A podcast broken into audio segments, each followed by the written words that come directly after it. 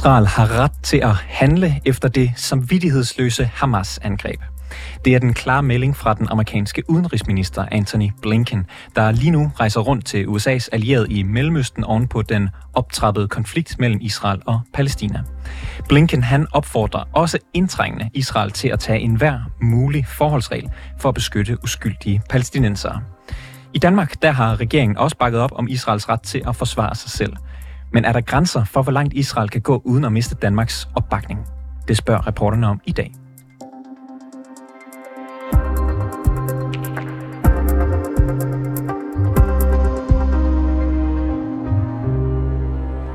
Michael Åstrup, udenrigsordfører for Venstre. Velkommen i programmet. Hov, jeg prøver lige igen. Michael, jeg glemte at tænde for dig. Øh, Michael Åstrup, udenrigsordfører for Venstre. Velkommen i programmet. Jo, tak for det. Lad mig lige starte med at spille et, øh, et lille klip for dig med statsministeren. Israel har ret til at forsvare sig selv, og det vil betyde nogle ofre. Israel har ret til at forsvare sig selv, og det vil betyde nogle ofre. Michael Åstrup, vil du ikke bare lige starte med at beskrive Danmarks opbakning til Israel i den her krig? Jamen altså, det er et øh, demokratisk øh, land i Mellemøsten, som har oplevet det værste terrorangreb i Israels historie, øh, som har betydet det største antal øh, dræbte israelske statsborgere nogensinde i Israels historie på en enkelt dag, øh, nemlig det, der skete sidste weekend. Så øh, de har vores fulde opbakning til at få øh, fjernet den terrortrussel, som Hamas jo desværre er, på linje med dengang vi fik fjernet islamisk stat og al-Qaida som, som store trusler. Du siger den fulde støtte til at fjerne Hamas og andre, andre trusler. Vil du sige, at I har uforbeholden støtte til Israel? Altså, vi har uforbeholden støtte, men det er jo ikke en uforbeholden støtte, som betyder, at Israel så kunne, øh, lad os sætte den lidt fortegnet op, øh, bombe hele Palæstina og være ligeglad med menneskeliv. Øh, selvfølgelig ikke, men det betyder, at så længe Israel agerer som et øh, demokratisk land, som har været udsat for det terrorangreb, øh, jamen så har de vores fulde opbakning, ja. Den amerikanske udenrigsminister Anthony Blinken, han er jo lige nu rundt i, i Mellemøsten og, og taler med USA's allierede. Han siger at øh, og opfordrer Israel til at tage enhver mulig forholdsregel for at beskytte uskyldige palæstinensere. Er du enig i den opfordring? Øh, ja, det er og det mener jeg faktisk også, Israel gør. Så langt øh, så godt, og ud fra, så, så du vil sige, ud fra det vi ved om, hvordan Israel håndterer krigen lige nu, så øh, er der ikke noget, du har kommet i tanke om, hvor de er gået for vidt Nej, det er der faktisk ikke, og det betyder jo ikke, at jeg er ligeglad med palæstinensiske øh, civile tab, for det er jeg på ingen måde. Øh, udfordringen er bare, at øh, Hamas øh, udnytter øh, de civile, der er i Palæstina. Vi har set øh, på, at de har prøvet at stoppe øh, de civile øh, fra at evakuere fra den nordlige del af Gaza, som Israels her øh, ellers har forsøgt at opfordre til. Og de har lagt andre ting ud for simpelthen at, at, at bruge det som en PR-gevinst. Altså øh, sørgeligt, men sandt. Øh, og derfor så er det rigtig svært, når man skal ind og ramme de her Hamas, når Hamas gemmer sig blandt civile. Så hvad kan man sige, med den måde, som Hamas fører krig på, så har det den negative, men acceptable øh, konsekvens, at der er nogle civile, der dør? Desværre ja. Altså lige sådan som da vi gik efter islamisk stat og al-Qaida, hvor de også gemte sig blandt civile jamen så vil det altid være en forfærdelig øh, afvejning, men også en nødvendig afvejning hele tiden på, hvordan opererer du i sådan nogle scenarier, hvordan opererer du i sådan nogle byer, og der vil der bare være civile tab, og det er dybt ulykkeligt, men det vil der være. Men det vil være bedre, også for palæstinenserne, som jeg ser det, hvis Hamas som terrortrussel forsvinder. Du har sagt, at øh, der er i hvert fald ikke noget indtil nu, der, der har rokket ved din, ved din støtte til, til Israel. Øh, jeg tænker, at vi lige kan gennemgå et par eksempler på ting, de enten har gjort, eller ting, som har været øh, op og vende, måske som noget, de kan finde på at gøre Israel. For at høre, hvor går regeringens grænse mm. for, øh, hvor længe man vil, vil støtte Israel. Øh, der har for eksempel her til morgen, øh, hørte jeg i P1, Morges, øh, eller P1 Morgen være forlydende om, at Israel kunne finde på at annektere dele af Gazastriben. Vil det ændre noget på den danske støtte til Israel? Ja, det har ikke vores opbakning overhovedet. Altså, vi, er, vi støtter stadigvæk en tostatsløsning, og det skal selvfølgelig være en valid tostatsløsning. Øh, så ja, vi støtter ikke, at Israel skulle annektere eller besætte for det der skyld øh, dele af Gaza. Øh, menneskerettighedsorganisationen Human Rights Watch har berettet om, og Amnesty International, den anden menneskerettighedsorganisation, er lige nu i gang med at undersøge øh, påstand om, at Israel har gjort brug af det, der hedder hvid fosfor, et napalm-lignende stof, der er selvantænder ved kontakt med huden, og som klistrer sig fast og bliver ved med at brænde, så længe der er ilt. og resultatet af det er ofte alvorlige kemiske forbrændinger, som ofte kan medføre døden. Vil øh, Danmark stadig bakke Israel op, hvis man finder ud af, at Israel rammer civile med hvid fosfor? Det vil være uacceptabelt for os, øh, og, øh, men det er bare vigtigt at holde fast i. Jeg har set de samme rapporter, øh, som, som du har øh, refereret til, men jeg har ikke set noget bekræftet endnu, og det skal vi selvfølgelig have be- eller afkræftet, og, om det er sandt. Men hvis det bliver bekræftet, så vil det være uacceptabelt for os, fordi det mener vi er et, øh, et våben, man ikke skal bruge. Øhm, Israel har jo også givet besked til over en million mennesker, der på 24 timer skulle flygte fra hus og hjem og tage sydpå i, i Gazastriben. Nødhjælpsorganisationer har, har kaldt det meget urealistisk at kunne evakuere så mange mennesker på kort tid. Har den manøvre Danmarks fulde støtte? Ja, det har det. Øh, fordi til forskel fra Hamas, som jo gav øh, ingen varsel, før de rendte ind og dræbte over 1000 øh, uskyldige civile, så synes jeg faktisk godt om den måde, som Israel gør. Fordi når vi ved, hvordan Hamas opererer øh, i byerne øh, blandt civile, jamen så er det kun godt, at man forsøger at få de civile ud af verden, øh, eller ud af området, undskyld. og, øh, og det, er, det sørgelige er jo så bare, at vi har set noget, der ser ud til, jeg understreger, ser ud til, for det er heller ikke bekræftet endnu, men noget, der tyder meget på, at Hamas har forsøgt aktivt at stoppe de civile fra at flygte fra de her områder. Og det er endnu værre, øh, synes jeg. Øh, så, så ja, det har også opbakning, at Israel advarer på borgerne. Israel har også øh, lukket for strøm, mad og en masse andet i Gazastriben, og i morges var der meldinger om, at de benzindrevne generatorer på hospitalerne, de kan kun køre ind til i morgen, så løber de tør. Er der en grænse for, hvor længe Israel kan blive ved med at blokere for livsnødvendige ressourcer i Gazastriben, før man mister Danmarks støtte? Altså, vi støtter jo ikke, at uh, helt uskyldige civile ikke har mad øh, og, og, og sulter og alt muligt andet. Selvfølgelig ikke på nogen måde. Udfordringen er bare her, at vi jo ved, øh, at øh, Hamas' top og Hamas udnytter de her korridorer til både at være i skjul for at komme ind og ud af Gaza, for simpelthen at undslippe øh, og blive stillet til ansvar for deres terrorangreb. Og så ved vi jo også, øh, at øh, Hamas' top, som jo lever i sus og dus i milliard øh, store øh, lejligheder og penthouse og alt muligt andet i Katar og i Doha og andre steder, at de simpelthen tager øh, noget af det her nødhjælp, øh, kræver betaling for noget af det her nødhjælp. Og dermed så er det altså noget, som Hamas som terrororganisation får godt af. Og det er jo svær balancegang, og jeg siger ikke, at Israel har ramt det rigtigt. Jeg siger, at selvfølgelig skal vi have sørge for, at der er mad til de helt uskyldige. Jeg siger bare, at jeg forstår godt, at Israel har en udfordring med at sikre, at Hamas ikke udnytter øh, nødhjælpskorridorerne. Der er en repræsentant fra myndighederne i Israel, der ifølge The Economist har sagt til en tv-station, at Gaza vil ende som en by af telte, og en IDF, altså det israelske militærs øh, talsperson Daniel Haggai, har udtrykt om missilangrebene over Gaza, at de handler om at gøre skade, ikke om præcision.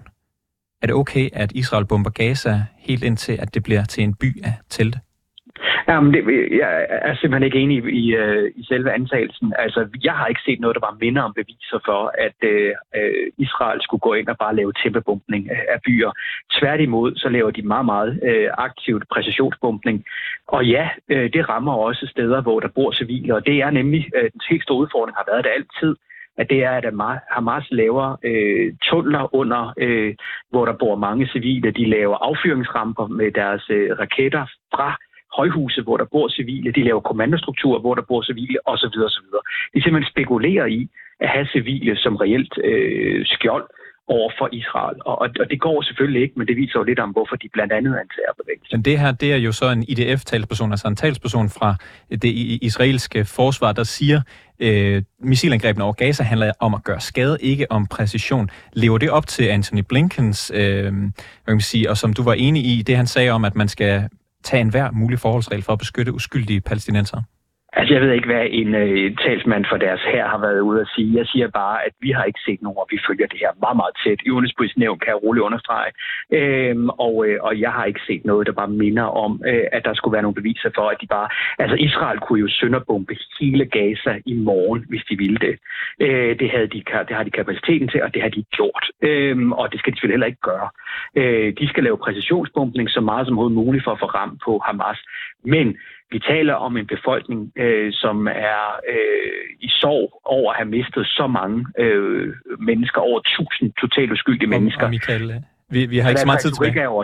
Ja, undskyld, øh, du ikke fået Nej, det, det er helt fint. Øh, jeg vil bare gerne høre dig. Du har jo sagt det her med, at hvis de for eksempel begynder at annektere land i, i Gazastriben, hvis, øh, hvis det viser sig, at de har brugt hvid fosfor, så er det noget, du i hvert fald er stærkt kritisk overfor. Hvis der nu sker et eller andet, som Israel gør, øh, som, hvor, hvor Danmark, eller dig, eller udenrigsministeren, eller statsministeren, mener, at det er simpelthen over grænsen. Hvad mm. har den danske regering så af muligheder for at gøre opmærksom på det? Jamen, øh, vi kan tage afstand fra det. Altså, jeg selv personligt som formand for Udenrigspolitisk Nævn i, øh, i løbende kontakt med den israelske ambassadør. Jeg har møde med ham igen i morgen, øh, og øh, øh, så det har jeg løbende. Øh, og, øh, jeg, og vi mødes jo selvfølgelig også i Udenrigspolitisk Nævn løbende i forhold til regeringen. Øh, og øh, Øh, vi vil selvfølgelig kunne gøre på alle mulige måder, øh, tage det op i FN, hvis det skulle være nødvendigt. Men altså, som det er lige nu, så har vi ikke set nogen grund til at gøre det, fordi vi har som sagt ikke set nogen beviser for, Øh, at, at Israel har krydset nogle grænser. Men hvis de gør det, jamen så er vi selvfølgelig uden at de diplomatiske redskaber, vi så har i både EU-kreds, FN-kreds og andre steder. Og når I så skal tage stilling til det her med, øh, du, du har ligesom været, nu har du været i gang med at vurdere nogle af de her øh, eksempler, øh, når, når, når du og regeringen skal tage stilling til, øh, hvad er acceptabelt fra, fra Israels side, taler I så helt frit, eller er det også vigtigt at have for øje, hvad USA mener, hvad Storbritannien mener, hvad EU mener? Altså, jeg siger, og jeg ved godt, at alle folk ikke tror på det her, når jeg siger det, vores udenrigspolitik bliver ikke dikteret af, af øh, USA, selvom USA er vores nærmeste allierede. Det gør den ikke. Øh, vi kan også have øh, holdninger om for os selv om Israel. Det har vi også gjort før, hvor vi ikke har været enige med USA om Israel, og det vil det også være i fremtiden. Men vi står lige nu sammen med Israel, fordi de har været udsat for det her terrorangreb, så vi ser Israel som vores venner, men vi kan også være uenige med vores venner, og så vil vi selvfølgelig også sige det, hvis der er noget, hvor vores venner går over stregen. Michael Åstrup, udenrigsordfører for Venstre. Tak fordi du var med i programmet. Ja, selv tak. Så kan jeg byde velkommen til dig, Kenneth Ønslager Bul. Du er Ph.D. i folkeret med speciale inden for krigens lov, og så er du militæranalytiker ved Forsvarsakademiet. Velkommen til. Mange tak. Kan man gå for langt i krig, når man gør det for at forsvare sit eget land? Ja, og her er det meget vigtigt at være opmærksom på, at der er to sæt regler, som vi ikke må blande sammen. Vi har nogle regler, som siger noget om, hvornår vi må gå i krig mod andre lande. Det er det, vi kalder jus ad bellum-reglerne. Og så har vi nogle regler, som hedder jus in bello. Det betyder, øh, hvad er det for nogle regler, som gælder, når man så først er i krig. Og retten til at forsvare sig selv, det er jo de her jusadbilleder, de fortæller noget om, hvornår man må gå i krig. Og det er helt klart her, at Israel er berettet til at gå i krig, fordi at de er blevet angrebet af nogen øh, uden for deres område. Og, og derfor har de ret til at bruge magt i selvforsvar. Men det er også lige så klart, at den magt, der anvendes i selvforsvar her, den skal ligge inden for grænserne af det, som vi kalder for krigens love eller den humanitære folkeret. Så man kan ikke gå længere, selvom man den er forrettet part, som Israel er her, bare fordi, at man er blevet angrebet. Og øh, der, der er ikke meget uenighed i Vesten om, at Hamas har overtrådt både grænser og lov, da de gik ind i Israel og, og dræbte en masse civile. Øh, er der noget sted, hvor man med sikkerhed kan sige, at Hamas har brudt krigens lov?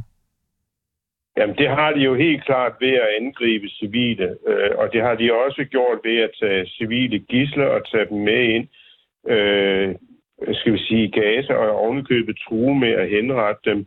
Og det har de jo også gjort ved at bare affyre raketter, som ikke kan skelne mellem, hvad der er lovlige militærmål og hvad der er civile og civile objekter. Øh, alle tre ting er, er klokkeklare krigsforbrydelser i den her kontekst. Hvad med Israel? Jamen altså, der har jo været påstande om, at Israel har både krigsforbrydelser, eller i hvert fald overtrædelser af krigens lov. Vi skal jo være opmærksom på her, at det jo ikke er alle overtrædelser af krigens lov, der nødvendigvis er en krigsforbrydelse. Det er alene de meget alvorlige overtrædelser, som er, er krigsforbrydelser. Og der har jo været talt meget om, at øh, det her store antal civile øh, palæstinenser, som er blevet dræbt i Gazastriben, at det er et udtryk for en krigsforbrydelse, men det er en meget forsimplet måde at se tingene på. Øhm, lad os prøve at kigge lidt nærmere på nogle handlinger, som Israel de seneste uger er blevet anklaget for af medier og organisationer, og høre om, om det er øh, i overensstemmelse med, med krigens lov blandt andet. Røde Kors har kritiseret, at Israel kun gav 1,1 millioner palæstinenser et lille døgns tid til at evakuere sig fra Gaza by. Er der regler om, hvor lang tid man skal have til at evakuere så mange mennesker? Nej, det eneste øh, krigens lov siger noget om, det er, at man så vidt muligt øh, skal give et varsel, inden man øh, indleder et angreb, hvor der kan være fare for civile. Og det er jo helt klart situationen her. Øh, da, hvis man siger, at man derved vil fortabe for eksempel et overraskelsesmoment, jamen så vil man ikke være forpligtet til det. Men jeg tror, at alle her er klar over, hvad der kommer til at ske. Øh, så der er ikke noget overraskelsesmoment som sådan, der går tabt for Israel. Så kan man diskutere, om det varsel, de har givet, om det er, øh, skal vi sige, rimeligt eller urimeligt, men de har i hvert fald varslet. Og vi kan jo også konstatere, at øh, det varsel, de har givet, er jo blevet løbende forlænget. Og det fortolker jeg som om, at øh, Israel i høj grad er interesseret i at have så få civile tilbage i Gaza-by som overhovedet muligt, og ideelt set ikke nogen så det, som helst. Så det er ikke i, i, i strid med, med krigens lov, men øh, på trods af, at der er sige, nogen, der, der kritiserer det. Hvis vi kan kigge på noget andet, Israel har øh, på seks dage, ifølge The Economist, smidt over 6.000 bomber, og hvis man skal sammenligne det øh, lidt med, med noget andet, så kan man sammenligne med USA, der under Irak og Syrienkrigene smed øh, et sted mellem 2.000 og 5.000 bomber om måneden. Kan Israel smide ja. 6.000 bomber i Gaza på, på 6 dage, og så argumentere for, at de kun går efter militærmål? Det kan de jo sagtens gøre. Altså, øh, spørgsmålet er, hvad der er rigtigt, øh, hvad der er rigtigt eller forkert. Det ved vi jo af gode grunde ikke. Øh, man må jo også se på, hvad er det for en type af bomber, de smider her. Er det store bomber eller små bomber? Altså, israelerne har jo udviklet nogle bomber, som er meget små, og som har en meget begrænset skadesradius. For eksempel, hvis de rammer ind øh, for eksempel i en lejlighed, en etageejendom, hvor der sidder Hamas-folk, så har de øh, i hvert fald konstrueret nogle bomber her, som er konstrueret til kun at dræbe dem inde i selve øh, denne her øh, lejlighed, og ikke de folk, eventuelle civile, som måtte være i lejligheden ved oh. siden af. Så antallet siger egentlig ikke så frygtelig meget om det her. Og, og Israel, de har også lavet den her massive blokade af Gaza, hvor der hverken lukkes fødevare, vand, brændstof eller strøm ind i området. Hvor længe kan de gøre det, uden at risikere at bryde krigens lov?